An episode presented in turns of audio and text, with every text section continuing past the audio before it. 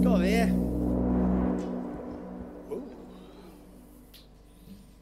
skal vi gå rett til Guds ord. Herlig med søndagen. Flott vær i Trøndelag. og Du er her, og det er bra. Eh, vi skal lese en bibeltekst fra Matteus evangelium, kapittel 9.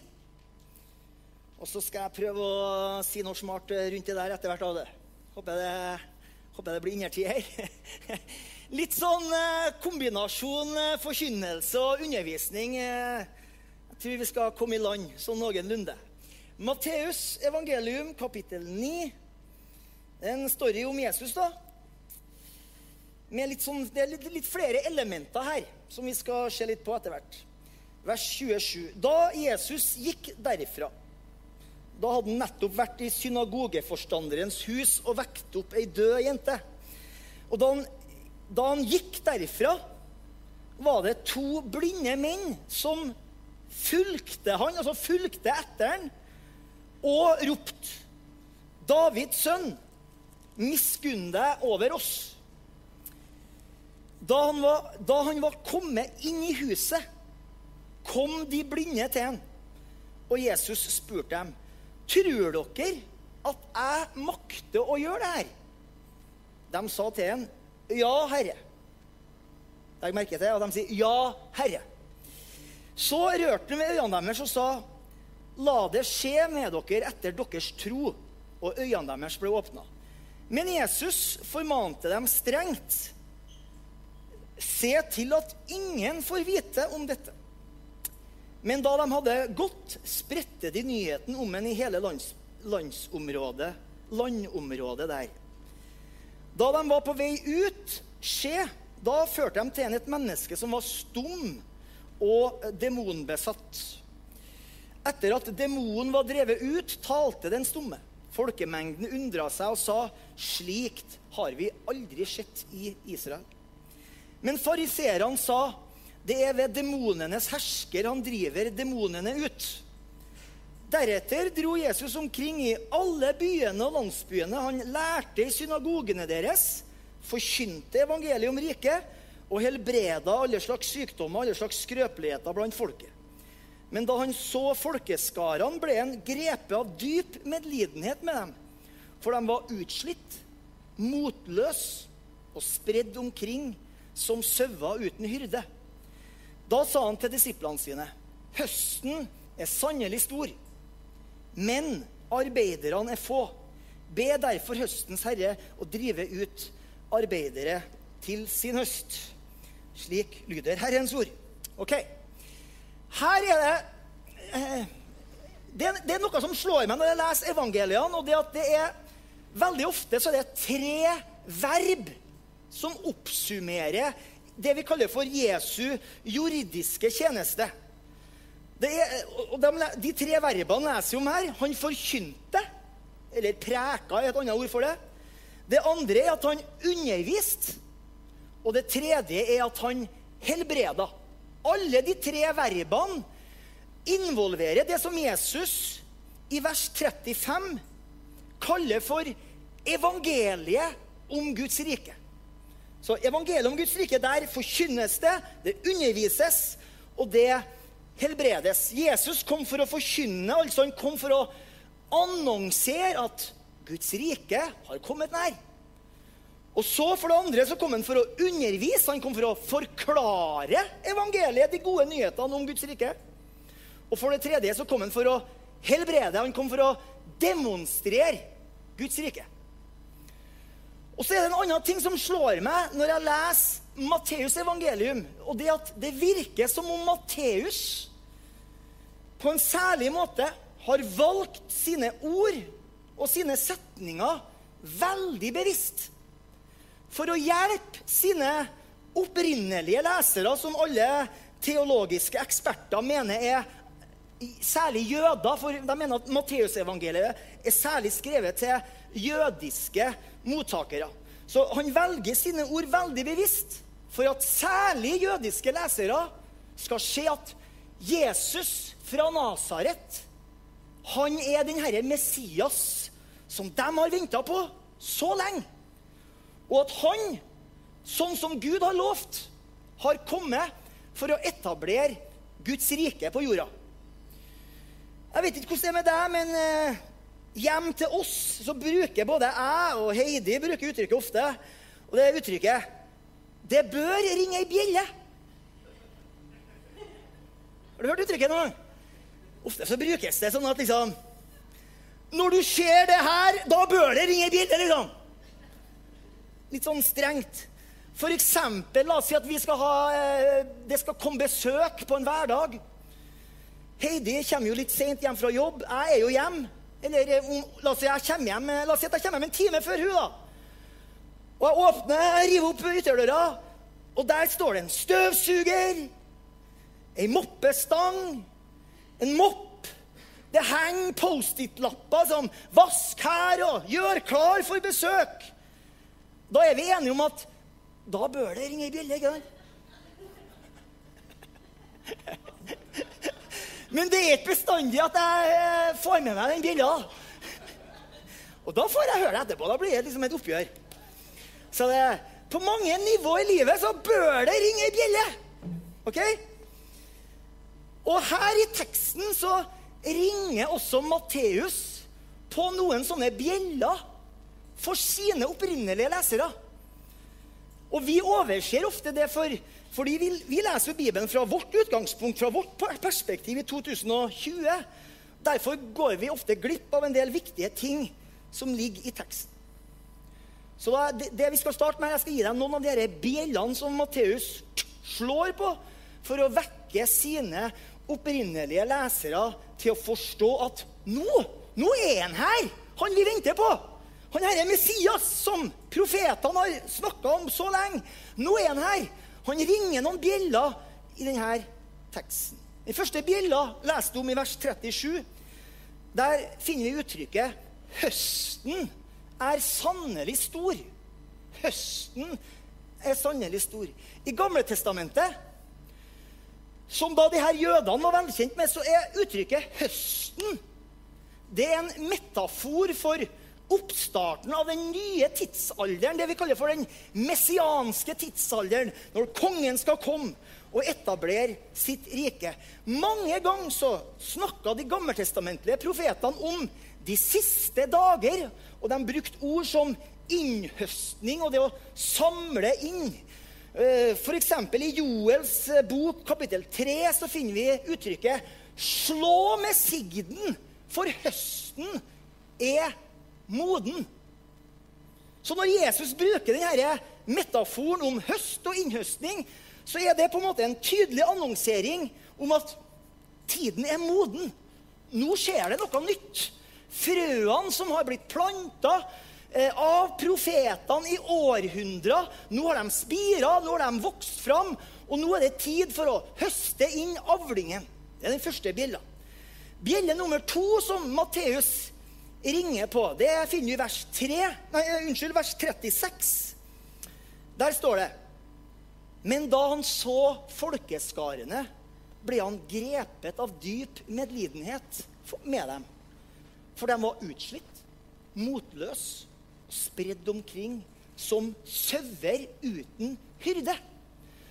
Her er det uttrykket 'sauer uten hyrde', som er ei bjelle. For det er som et ekko fra Moses i 4. Mosebok 27 og vers 16 så står det følgende Må Herren, Han som er Gud over livsånden til alt kjød, sette en mann over menigheten. En som kan gå ut foran dem, og som kan gå inn foran dem.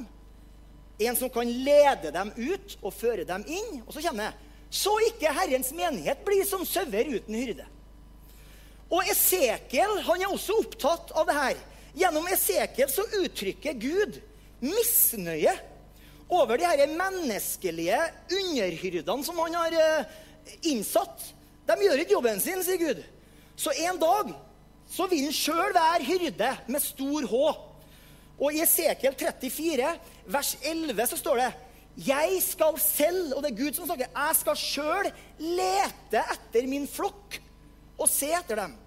Og i vers 15 står det Jeg skal selv røkte min flokk.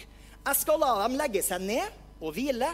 Så sier Herren Gud, jeg skal søke etter den som er fortapt, og føre tilbake det som er drevet bort. Jeg skal forbinde det sønderbrutte. Jeg skal styrke den syke. Så når Jesus bruker uttrykket 'som får uten hyrde', så ville enhver jøde som var kjent i Gammeltestamentet, få veldig klare og tydelige assosiasjoner når de hørte dette uttrykket. De ville da tenke, eller de burde i hvert fall tenke, for de bør jo høre ei bjelle, ikke sant? Her er den gode hyrden som vi har bedt om så lenge, og som Gud har lovt oss i sitt ord.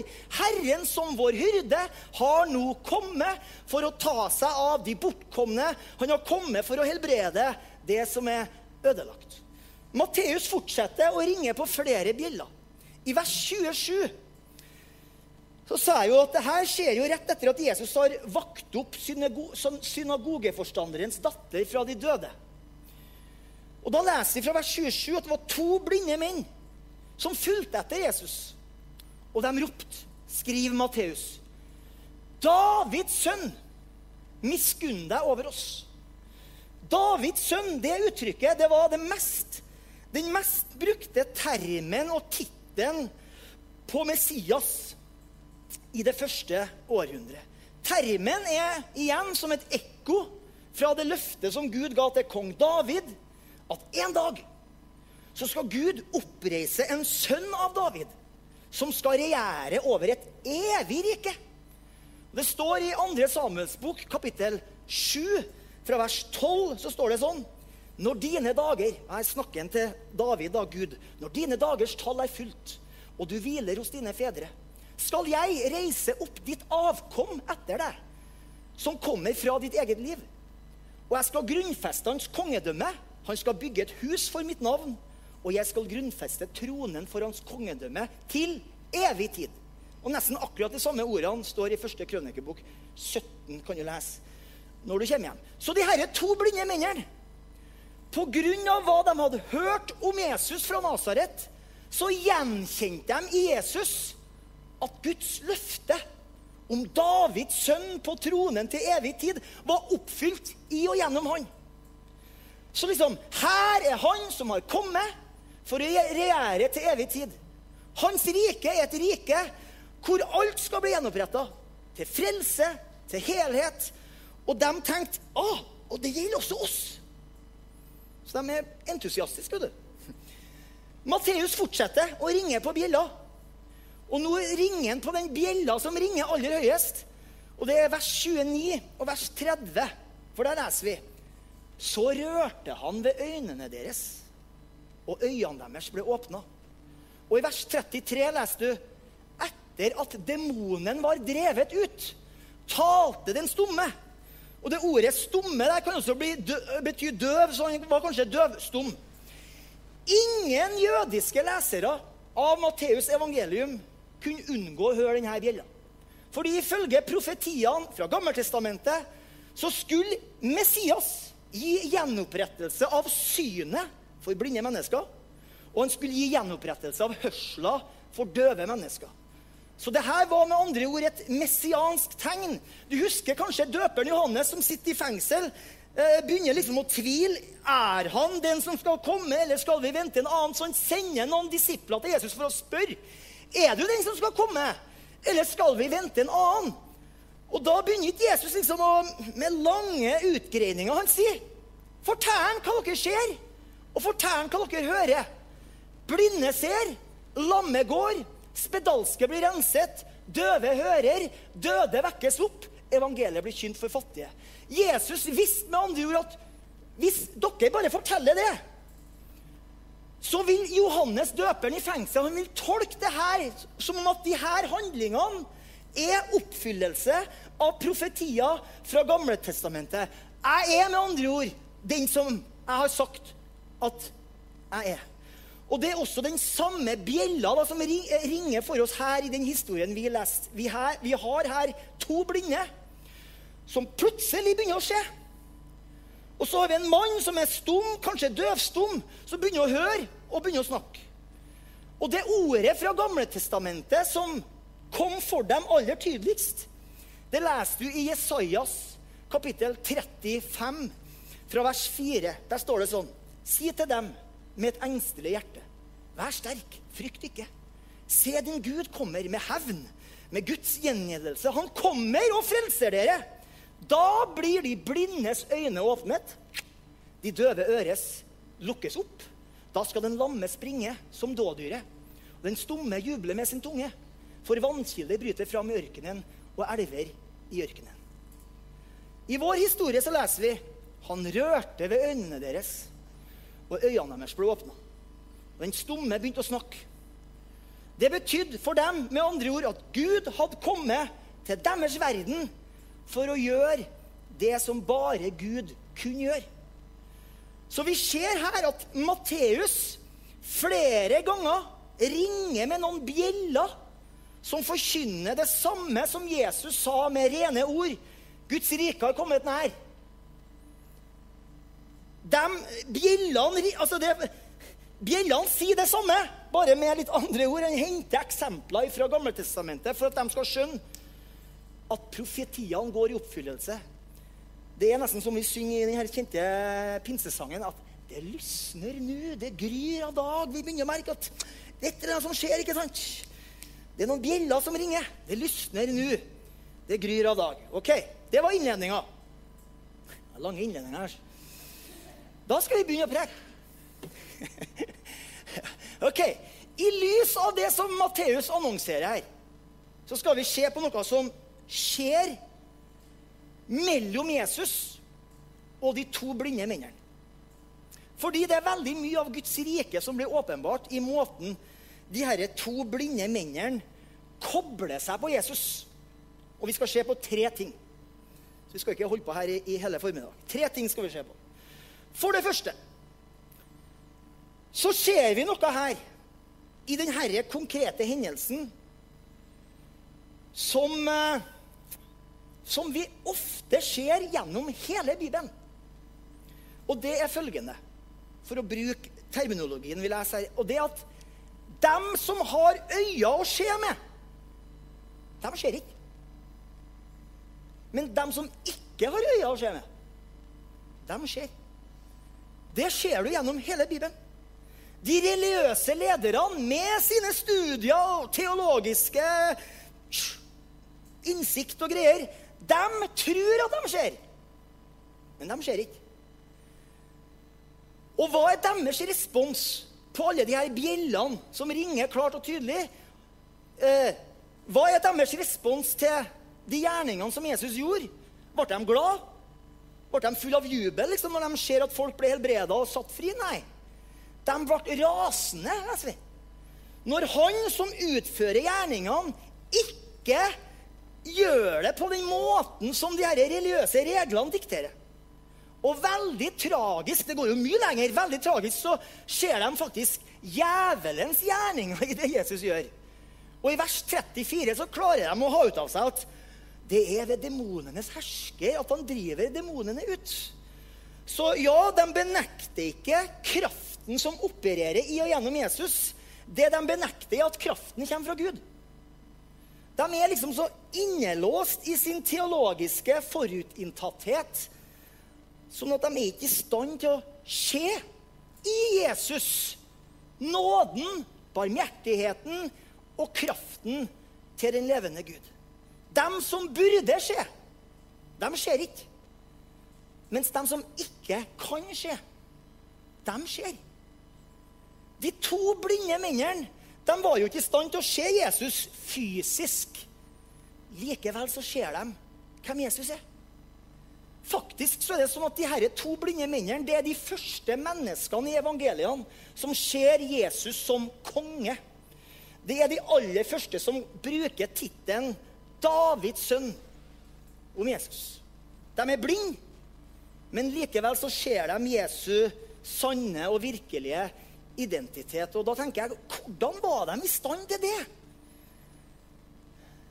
Det blir vi ikke fortalt. Så jeg skal ikke prøve å spekulere. Men på en eller annen måte så var de i stand til å se under overflata og forstå at kongen, han er her. Han har kommet. som vi pinsevenner synger, det lysner nu, det gryr av dag. Jeg er jo flaska opp på sånne sanger. Så de kommer, Jeg får assosiasjoner. Det er de bjellene som ringer for meg. da. Jeg får sånne pinsesanger.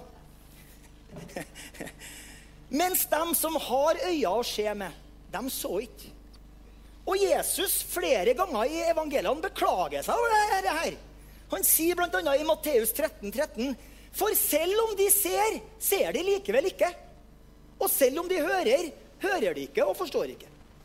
Faktum er at de som bruker tittelen Davids sønn om Jesus i evangeliene, det er mennesker uten sosial eller teologisk betydning. Det er de blinde, det er de lamme, det er de stumme, det er en kanonesk kvinne, det er galileiske pilegrimer, og det er barn i tempelet. Det er de menneskene som ikke regnes med, men som i sitt behov best oppfatter den messianske betydninga av Jesus, i stedet for teologene og ærespersonene i Jerusalem. Det som er åpenbart for en blind tigger og en kanoneisk kvinne, er fortsatt skjult for Israels ledere. Det er de herre små menneskene i Israel som kjenner igjen Jesus for det han er. Det gir deg gode vibber. vet du, ikke sant? Det er de små menneskene. ikke sant? Det er med deg, vet du. ok. To blinde menn er de første til å se hvem Jesus virkelig er. Og de ser det før Jesus helbreder deres blinde øyne. De ser det før de får igjen det fysiske synet.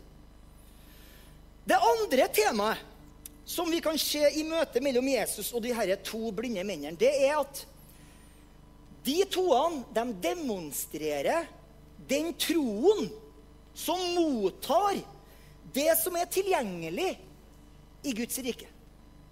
Vi leser i teksten at de, de roper ut uten tanke på hvilke konsekvenser det kan føre til.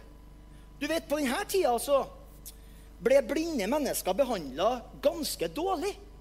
De ble tilsidesatt. De ble utstøtt og oversett. Og en av grunnene til det var at blindhet ofte ble betrakta som en guddommelig straff. Men de toene skjønner at nå er det noe vidunderlig som er, er, på en måte mulig til å skje her. Det er noe vidunderlig som er i ferd med å skje. Og ingen skal få lov til å hindre meg til å ta del i det her. Så de, de roper ut. Så det første vi kan si om denne troen, det er at det er en tro som roper ut. Davids sønn, miskunn deg over meg. Miskunn deg over oss. Altså, det er, en, det er en tro som roper ut. Den overvinner liksom det sofistikerte og det polerte. Den bryr seg ikke om regler og tradisjoner. Den trenger seg fram for å gripe tak i kongen i Davids sønn. Og så sier Jesus, 'Tror dere at jeg makter å gjøre det? Og da kommer svaret, 'Ja, Herre'. Ja, Herre. Du er i stand til det, for du er Herre. Hvordan visste de det? Igjen, det blir vi ikke fortalt. Men på en eller annen måte så var de i stand til å se at han som passerer forbi her nå, han er noe mer enn et vanlig menneske. Han er herre, og hvis han er herre, da er han i stand til Du vet, over mange år så er det sånn at både vi som enkeltpersoner og vi som menighet vi kan oppleve det vi kaller for krisetider. Vanskelige situasjoner. Økonomisk. Mangel på frivillige kan det være. Det kan være relasjoner, det kan være helse. Det kan være så mye. Men den største krisa er kanskje det vi kan kalle for troskrisa. Er Jesus herre? Er han i stand til å løse denne krisa? Er han i stand til å gjøre det han har lovt? Er han i stand til å gjøre det som ser umulig ut? Er han i stand til å frelse, forløse, helbrede og sette fri? Er han i stand til? Du vet, Det at Jesus er i stand til, det ligger i selve tittelen Herre. Det å adressere Jesus som Herre, det å bekrefte at han har det siste ordet i alt og overalt. Så vi har de to blinde mennene her som forstår at Jesus er Davids sønn, før de får synet tilbake. Men enda viktigere det at de forstår at Jesus er Herre, og derfor i stand til å gjøre det som ingen andre kan gjøre. De har med andre ord denne troen som griper tak i det som Guds rike har å tilby. Den andre sida av troen deres er at det største uttrykket for deres tro, det er ikke de ordene de sier, men det er det de gjør. Hvis du leser teksten veldig nøye der, og prøver liksom å være med litt inni din eh, eh forestillings... Eh, prøv å forestille deg, liksom være med. Visualisere, kalles det. Hvis du leser denne teksten nøye, så står det egentlig at de to blinde mennene begynner å følge etter Jesus når han går gjennom byen. Bare les teksten nøye når du kommer hjem. De følger etter Jesus. De er blinde. De følger etter Jesus gjennom byen. De følger etter Jesus og roper, 'Davids sønn, miskunn deg over oss.' Og Jesus han fortsetter med å gå. Det er ikke før han er fremme ved det huset som han skal ende opp i. Det er da han sier til dem, 'Tror dere at jeg kan gjøre det her?' Hvis du leser teksten nøye, så er det sånn at han møter ikke dem utenfor huset. Han møter dem på veien. De følger etter. De er blinde følger. De roper ganske tidlig, men de fortsetter å føle. Gjennom byen og fram til det huset hvor Jesus skal. Så det betyr at Jesus svarer ikke på deres bønn med en gang. Henger du med nå? Han svarer ikke på bønn med en gang. Nå er det ikke sånn bestandig, for det er mange bibelhistorier hvor Jesus responderer med en gang. Men ikke i dette tilfellet. Han stoppa ikke opp med en gang og begynte å snakke med dem og berøre dem. Nei, han fortsetter å gå helt fram til huset. Men det som er godt å lese, er at de fortsetter å følge etter Jesus. Helt fram til det huset hvor Jesus er på vei. Så ja, det er en tro som roper 'Davids sønn, miskunn deg over oss'. Og ja, det er en tro som bekrefter Jesus, du er Herre. Du er i stand til. Men det er også en tro, kanskje en større tro, som fortsetter med å følge etter Jesus når det ser ut som han ikke svarer på deres bønn med en gang. Og Det fører oss til det tredje temaet i denne teksten. Og det er et spørsmål. Hvorfor responderer ikke Jesus med en gang? Når mennene roper ut Hvorfor ligger det inn en sånn forsinkelse her? Man kan jo nesten få inntrykk av at Jesus har den samme holdningen overfor blinde som var vanlig på denne tida. Ignorert, tilsidesatt, oversett, dårlig behandla. Men vi vet fra Bibelens totale budskap at sånn er det ikke tilfellet med Jesus. Så igjen hvorfor forsinkelsen? Hvorfor kunne ikke han bare respondere med en gang? Og liksom Som vi ofte vil.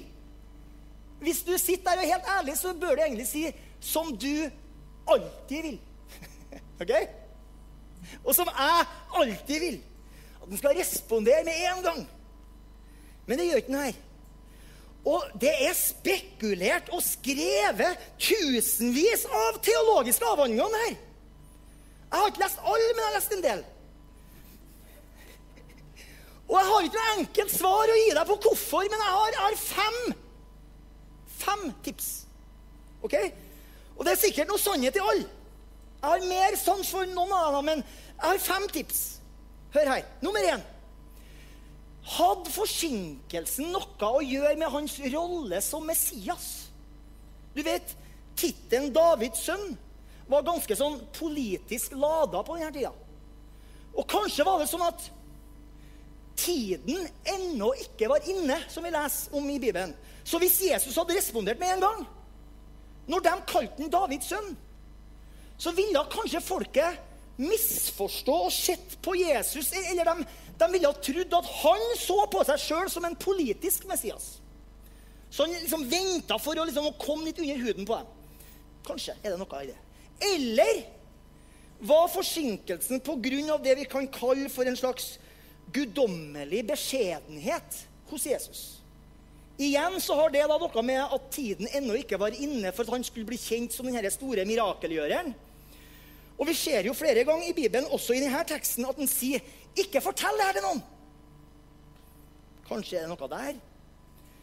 Eller var forsinkelsen pga. at Jesus ville teste deres tro, teste deres oppriktighet? Du vet, konsekvensen ved å bli helbreda sånn, right on the spot, den var ganske stor. Hele livet deres ville bli forandra. Var de klar for det? Ville de virkelig ha det de ba om? Kanskje er det noe der. Nummer fire har jeg stor sansen for. Der er det sånn at Er det sånn at forsinkelsen var pga. at Jesus ønska å dra de her menne, to mennene til seg sjøl?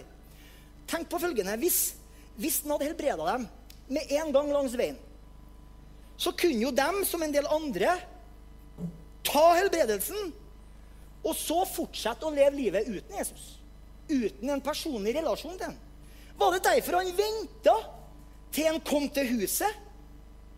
tok dem inn i huset, litt bort fra folkemengden, for å etablere et personlig, meningsfullt forhold med dem. Og er det også en av grunnene til at han stiller dem et spørsmål, og han spør dem tror dere at jeg kan gjøre det her? Tenk litt på det spørsmålet. Jesus er Gud. Han vet alt. Han trenger ikke å få noe svar fra dem. Han vet hva de tenker og føler. Er du med? For han er Gud. Han vet hva de tenker og føler. Han trenger ikke at de svarer på det spørsmålet. Det jeg tenker at det er dem som trenger det.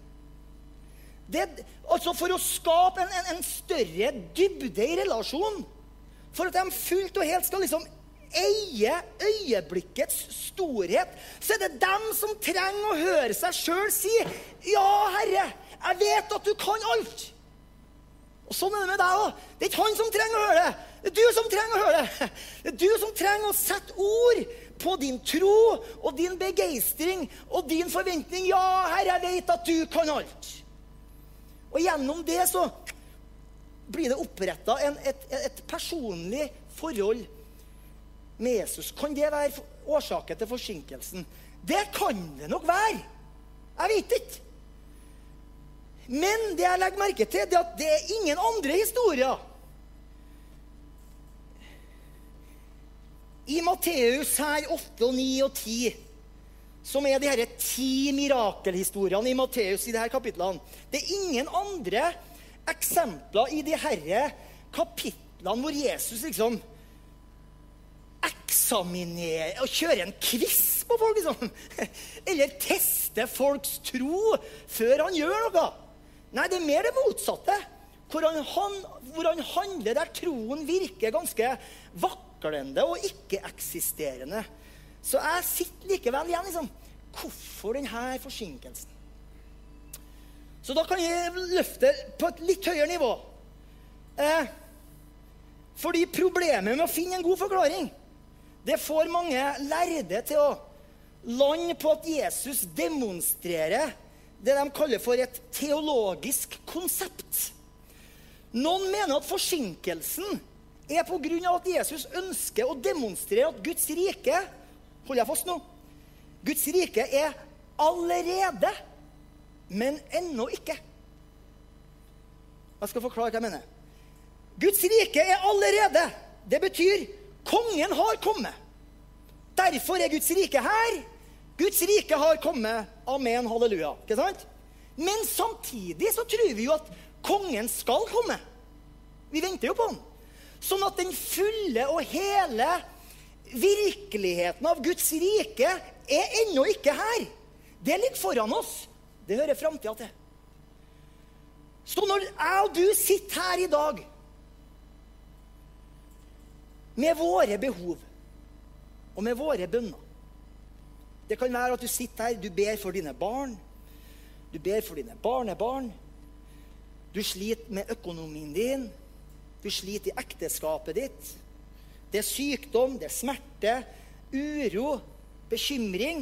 Du sitter her i dag med alt det der. Og det gjør vi på en måte alle. Så lever vi alle sammen i denne friksjonen mellom at Guds rike er nær, kongen har kommet, det er her, og at Guds rike skal komme i sin fullhet og helhet. Henger du med? Og da er gjerne det store spørsmålet for meg og deg det at OK, Kristian, jeg hører at du sier det fine ord, men hvor, my hvor mye er mulig her og nå? Liksom, det er jo det jeg er interessert i. Jeg hører det flotte ord og teologi og allerede og ennå ikke, men, men hva er mulig her og nå? Og hvor mye må jeg vente til i framtida? Og igjen må jeg skuffe deg. Fins ikke noe enkelt svar på det. Jeg har ikke svar på alt. Selv om jeg tror det sjøl av til. Nei, jeg gjør ikke det. Men det jeg ser, i hvert fall, da, det er de gode nyhetene For at, du, jeg, jeg, tror jo at de, de, aller fleste kristne er på en måte på en skala når det gjelder eh, hva vi tror om det her. da. Allerede, men ennå ikke. Og så er vi imellom der en plass. Veldig mange tror på veldig mye på allerede. ikke sant? Og så er det noen som tror ikke på noe som er allerede. Det er bare bra i framtida, og så er det bare elendighet her. Sannheten er vel at vi er De fleste er midt imellom, da. Og jeg er nok av dem som liksom Jeg er opptatt av det som allerede er.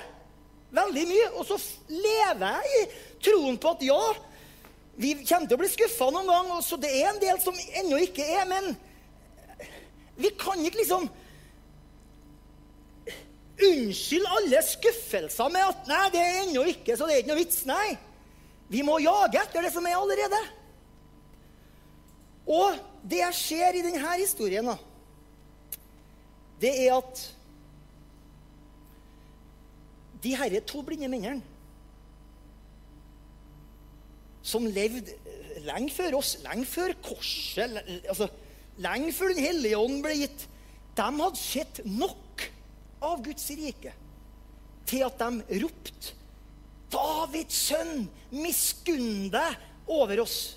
Og de hadde sett nok av Guds rike, sånn at de kalte Jesus for Davids sønn, og de hadde sett nok av Guds rike til at de sa, 'Ja, Herre, jeg vet at du kan. Jeg vet at du er i stand til.'